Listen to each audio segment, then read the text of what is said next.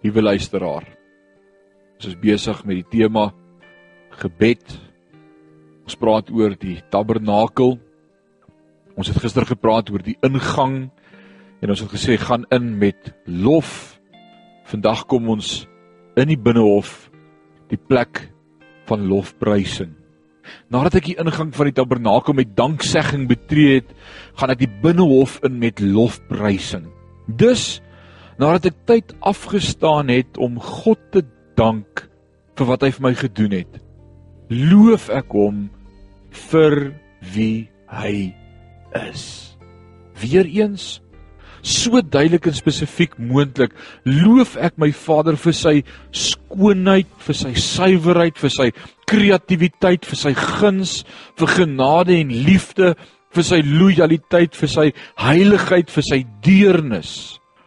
Waarom wil God hê dat ons hom moet prys? Is dit omdat hy onseker is van homself? Is dit omdat hy min dink van homself?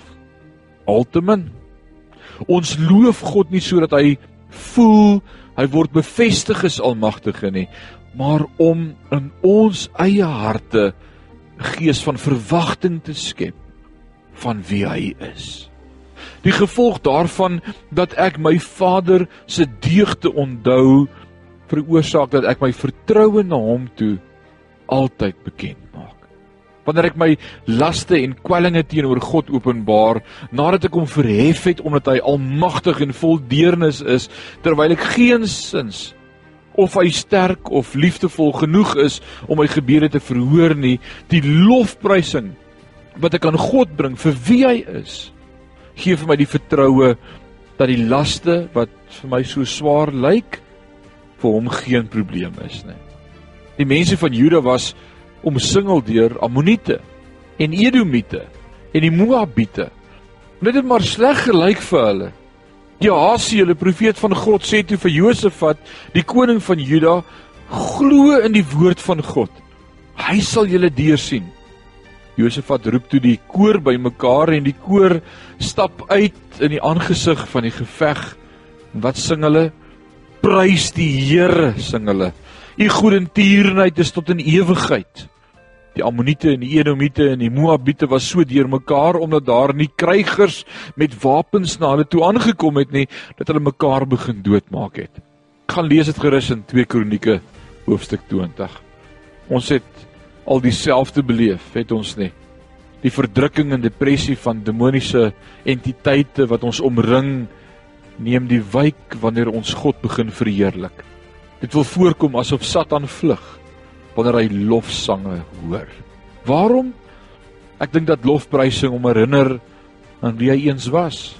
Lucifer, die leier van lofprysing in die hemel, voordat hy gerebelleer het en op die aarde neergewerp is, Ek wonder dus of lofprysing nie vir die Satan en sy handlangers klink soos vingernaels op 'n swart bord of vir tandarts se boortjie vir ons klink nie. Miskien irriteer die klank van lofprysing die Satan omdat hy herinner word aan dit wat hy in die hemel beleef het wat eerste syne was voordat die stof van die aardbewing sy tuiste geword het. Daar is 'n verskil tussen danksegging en lofprysing danksegging bedank God vir wat hy vir ons doen. Lofprysing erken hom vir wie hy vir ons is. God het geen behoefte aan lofprysing nie. Ons het lofprysing nodig om ons te herinner aan die deugde van die een by wie ons smeek. Ek word telkens herinner aan die krag en liefde van die een tot wie ek bid wanneer ek die binnehof ingaan met lofprysing kan ek en jy 'n oomblik saam ons oë toemaak en net aan God lof bring.